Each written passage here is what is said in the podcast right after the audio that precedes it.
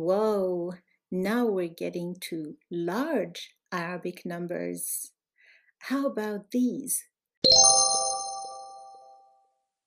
Listen to the Arabic first, see if you understand the number, write it down if you can, and then listen to the English equivalent. 1 145 In formal Arabic, it would be مئة وخمسة وأربعون. That's 145. 2 ألف وتسعمائة وسبعة وخمسون In very formal Arabic it would be ألف وتسعمائة وسبعة وخمسون Can you guess this one?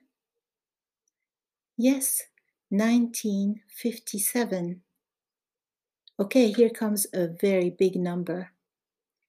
Ready? That's number three.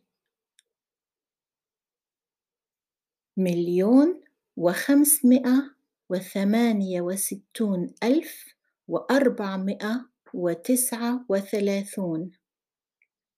In very formal Arabic, it would be مليون وخمسمائة وثمانية وستون ألف وأربعمائة وتسعة وثلاثون. Check out my YouTube channel and my books on Amazon.